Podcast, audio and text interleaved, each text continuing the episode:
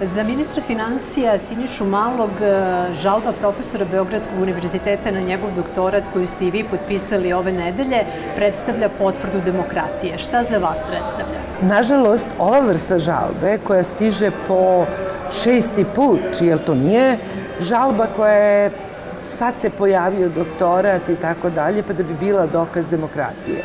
Ovo je sada dokaz u stvari arogancije i bezobzirnosti vlasti da one glasove i one dokaze, i ovo već godinama traje, koji su se čuli uopšte ne uzima u obzir.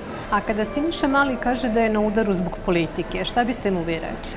Mislim da nije na udaru zbog politike, jer na mom fakultetu su recimo dve kandidatkinje, znači koje nisu ni došle do odbrane, zbog plagijata manjeg obima nego onog plagijata u njegovoj tezi, prosto bile zamoljene da napuste fakultet jer dakle su se etički pokazale takvima da nisu stekle uslov da uopšte se kvalifikuju za ozbiljno bavljenje naučnim radom i za dobijanje diplome, jer su pokušale svoju komisiju da prevare.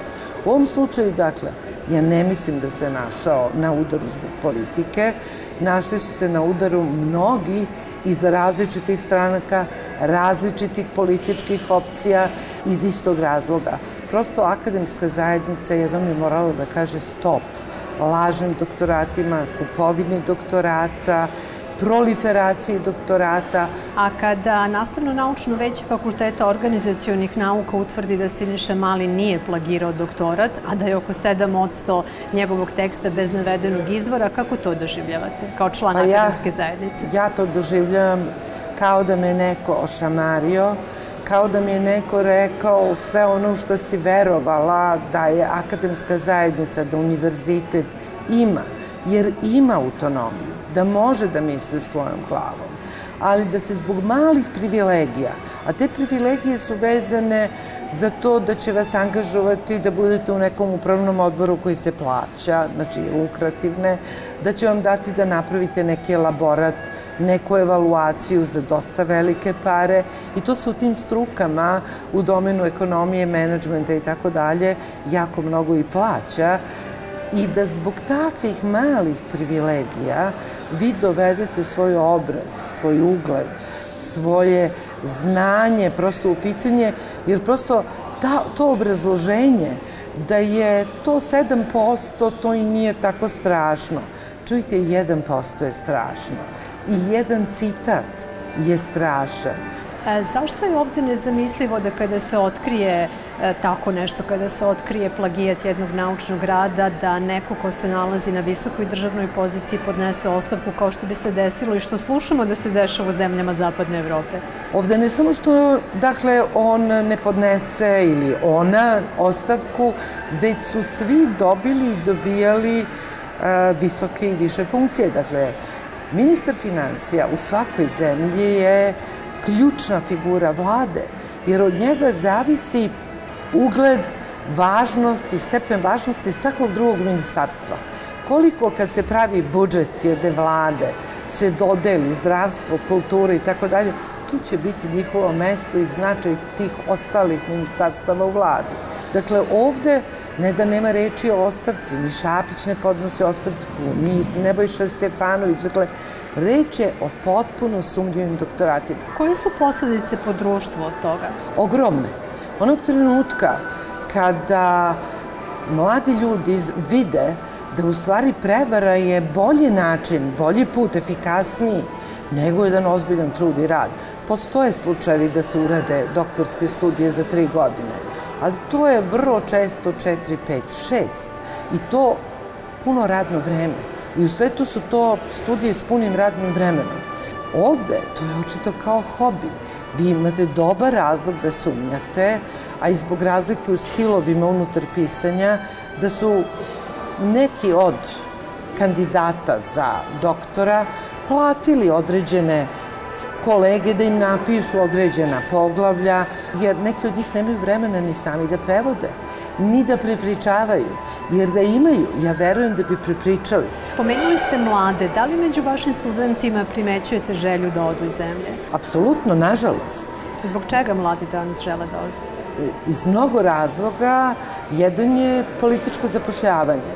Dakle, naši studenti ne žele da se učlanjavaju u vladajuće stranke da bi dobili posao. A drugog posla nema. Vi vidite, ne znam da li primećujete, da nema konkursa.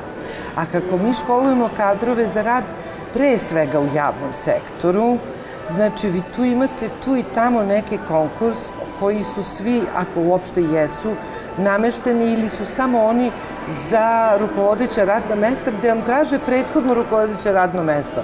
Znači, kako ćete doći na prvo rukovodeće radno mesto? Tako što će vas partija imenovati za VD.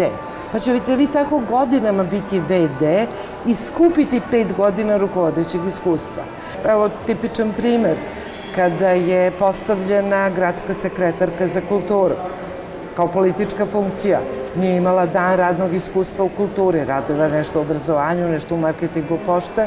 Postala je gradska sekretarka, skupila iskustvo, premeštena u, to jest prvo je bila u Kulturnom centru Beograda VD, pa gradska sekretarka, evo je sad direktorka muzeja Nikola Tesla. Kad to studenti vide, a, a oni su iz te struke, ja ih školujem za rad u kulturi, a vide da preko konkursa raznih u belom svetu, čak i oni dobijaju, mogu da fundraizuju, mogu da im se projekti realizuju, onda vide da se tamo gledaju rezultati rada, da ih tamo pozivaju na osnovu njihove male biografije sa studentskim radovima. A vidite li neki ozbiljniji pokušaj vlasti da zaustavi odlazak mladih? Iskreno ne vidim, jer jedino prestanak partijskog zapošljavanja, otvaranje konkurisanja, reizbornosti, ali ozbiljnog dovođenja u pitanje ljudi koji ne rade na svojim radnim mestima da bi se onda moglo otvoriti. Recimo donošenje ove, ovih zakona koji omogućavaju rad iz penzije, rad na pet radnih mesta i tako dalje, to sve sprečava mlade ljude da nađu bilo kakav drugi posao. U intervju nedelje za Radio Slobodna Evropa govori profesorka Fakulteta dramskih umetnosti Milena Dragićević-Šešić. Prema podacima OEPS-a od 2000. godine zemlju je napustilo oko 650.000 ljudi, a najviše mladih između 15 i 24 godine. Koje su posledice po državu takvog odliva? One su ogromne, one su nesagledive, posebno što je reč o mladima i to onda je čak reći onome što je vladin prioritet, a to je natalitet. Dakle, oni koji odu na studije, mali broj se vraća, jer tamo ih uvažavaju po znanju, onda dobijaju stipendije. Mi imamo jedno budžetsko mesto, na primjer, za doktorske studije. Svi ostali moraju da plate. A u svetu postoji mnogo veća mogućnost za dobijanje ozbiljnih stipendija. Sad to nešto malo se kreće, ali isključivo za mlade koji hoće da se bave naukom. Ali gde su oni koji baš hoće da se bave praksom?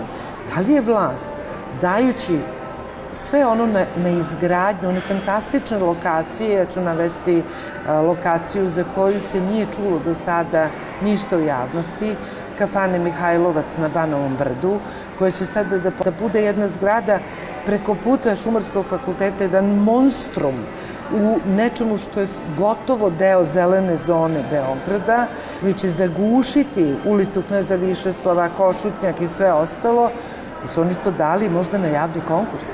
Nisu to mlade arhitekte dobile priliku ili Ada Mo, gde vi sade ciganlije iz onog divnog jezera, vi sada, ova vlast je napravila nešto umesto minel fabrike sa tim radnim mestima koje je imala, ne mora da bude proizvodnja, može da bude nešto drugo, ali ne jedan konzumeristički monstrum. I tako kad krenemo, Beograd na vodi, jedan, drugi, treći, Mostar, na Kula koja deluje zastrašujuće na samom Mostaru, Kule koje će biti na mestu nekadašnja američke ambasade, ništa od toga nisu bili javni konkursi za mlade arhitekte u socijalizmu, Cerak Vinogradi, javni konkurs, Dobanovci, javni konkurs, periferija je imala javne kon konkurse, ostvarivala su se remek dela arhitekture. Sada je ovde centar grada blokiran zbog rekonstrukcije Trga Republike i okolnih ulica. Kako te radove vidite? Kao nešto što koristi ili nanosi štetu građanima? Ja vidim e, kao višestruko štetne Istrpela bih ja to da, evo sad morat ću da idem da gazim blato kad pada kiša, da prelazim neke stazice kroz ulicu Vuka Karadžića pa preko Trga Republike. Ako bih znala da će to biti za jedan dobrobit, da će to biti sada jedna nova mala zelena zona, jedno novo bogatstvo grada. Ne, to će biti jedan novi beton i to sa pločama koje će se vrlo brzo, kao i u Knez Mihajlovoj, kao na Slaviji, početi da odvajaju od zemlje, da propadaju, da nasapliću, dakle, da će biti e, estetski, vrlo problematički, iako mene kolege kažemo nije tu estetika najbitnija, bitnije su tu druge stvari, saobraćajne gužve, kaos i tako. Ne, i estetika je bitna. Onaj mrtvi cvetni trg je i dalje mrtvi cvetni trg.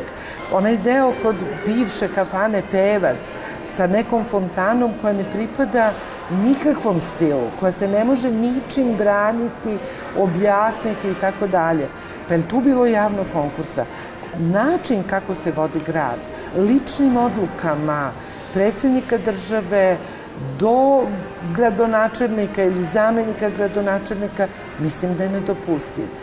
Samo uporedite levu stranu Save, na Novom Beogradu Kej, koje je pravila Olga Divac svoje vremeno, i upre, uporedite sada tu istu desnu omalu Save, baš tamo kod Mostara, šta će oni šetači koji idu levom obalom da gledaju neke shopping molove kod gazele i tako dalje, neke nebulozne solitere koji će zakloniti grad, umesto da taj Savski amfiteatar stvarno bude kruna grada, on će postati ruglo grada, a železnica, to što mi nemamo, to što se, to što ja ne mogu više da idem u Budimpeštu vozom, to što, mislim, smo odsečeni od sveta, kaže pa idi na Novi Beograd, idi na Topčider. Znači ima prečih stvari u što treba da se ulaže, u obnovu infrastrukture, a ne u rušenje, pa onda sklepavanje neke nove infrastrukture, tako da sam ja duboko povređena, lično sam povređena kao građanka Beograda onim u što nam je pretvoren sada ovaj grad. Kako biste ukratko opisali odnos aktuelne vlasti prema kulturi?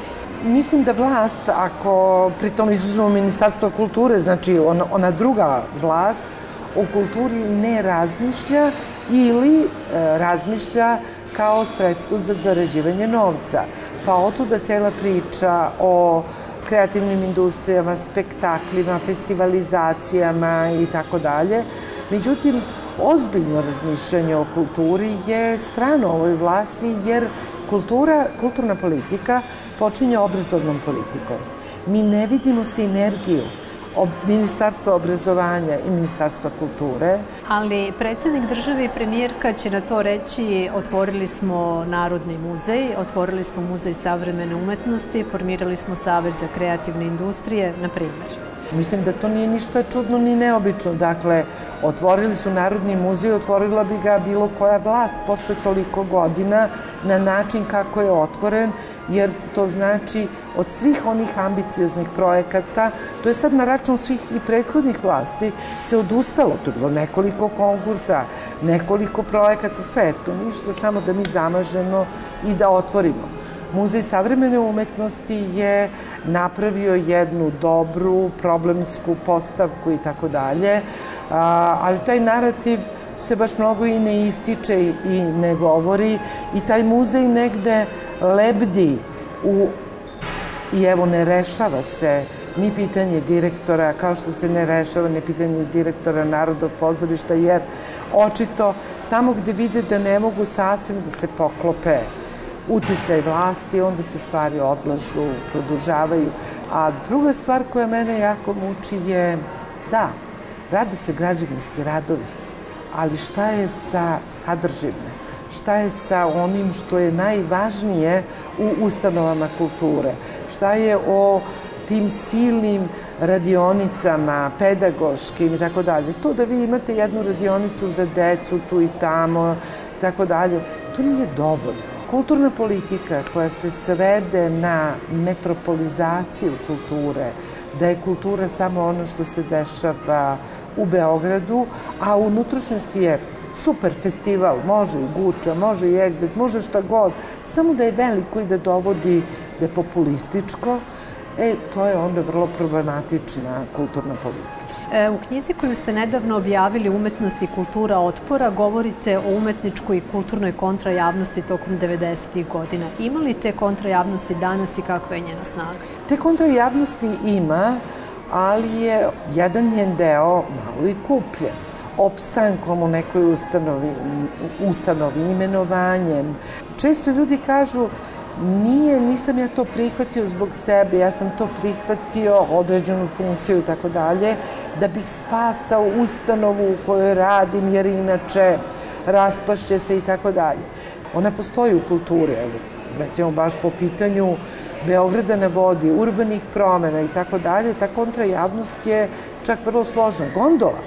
Gondola je okupila apsolutnu akademsku javnost i učinila akademsku javnost kontrajavnošću i čak i Ministarstvo kulture danas u nekim trenucima postaje kontrajavnost. Razumete, kad se počne da pita o, o, i da e, traži proveru rada zakonitosti Zavoda za zaštitu spomenika kulture ili kada postavlja pitanje o tome da li je normalno da budžet za savremeni ples ode sav na jedan festival tako dalje, tu vidimo da sad odjedanput se i unutar vlasti vodi jedna, ajde u najblažu ruku kažemo, dihotomna kulturna politika, da se na jednoj strani pomaže elitizam kreativne industrije, nešto što zvuči i što je a, spektakularno i sa čim se lako prodire u svet, jer tu svet lako razume. Dakle, kontrajavnost je ona koja ne ćuti, njen broj varira, smanjuje se u nekim trenucima, on bukne i postane strahovito glasan, a onda se ljudi umore.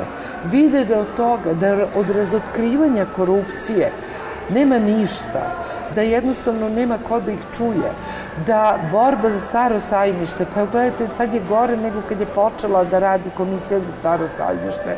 Nis, nije, nismo imali sastanak već godinu dana, a pravimo stadion. Pa zašto taj novac koji evo vlada opredeljuje za stadion ne opredeli za memorialni centar Staro sajmište? To je kulturna politika. Ono što se ne radi je kulturna politika. A dve, tri stvari koje se zamažu pa urade, nisu kulturna politika, to su politika reprezentacije vlasti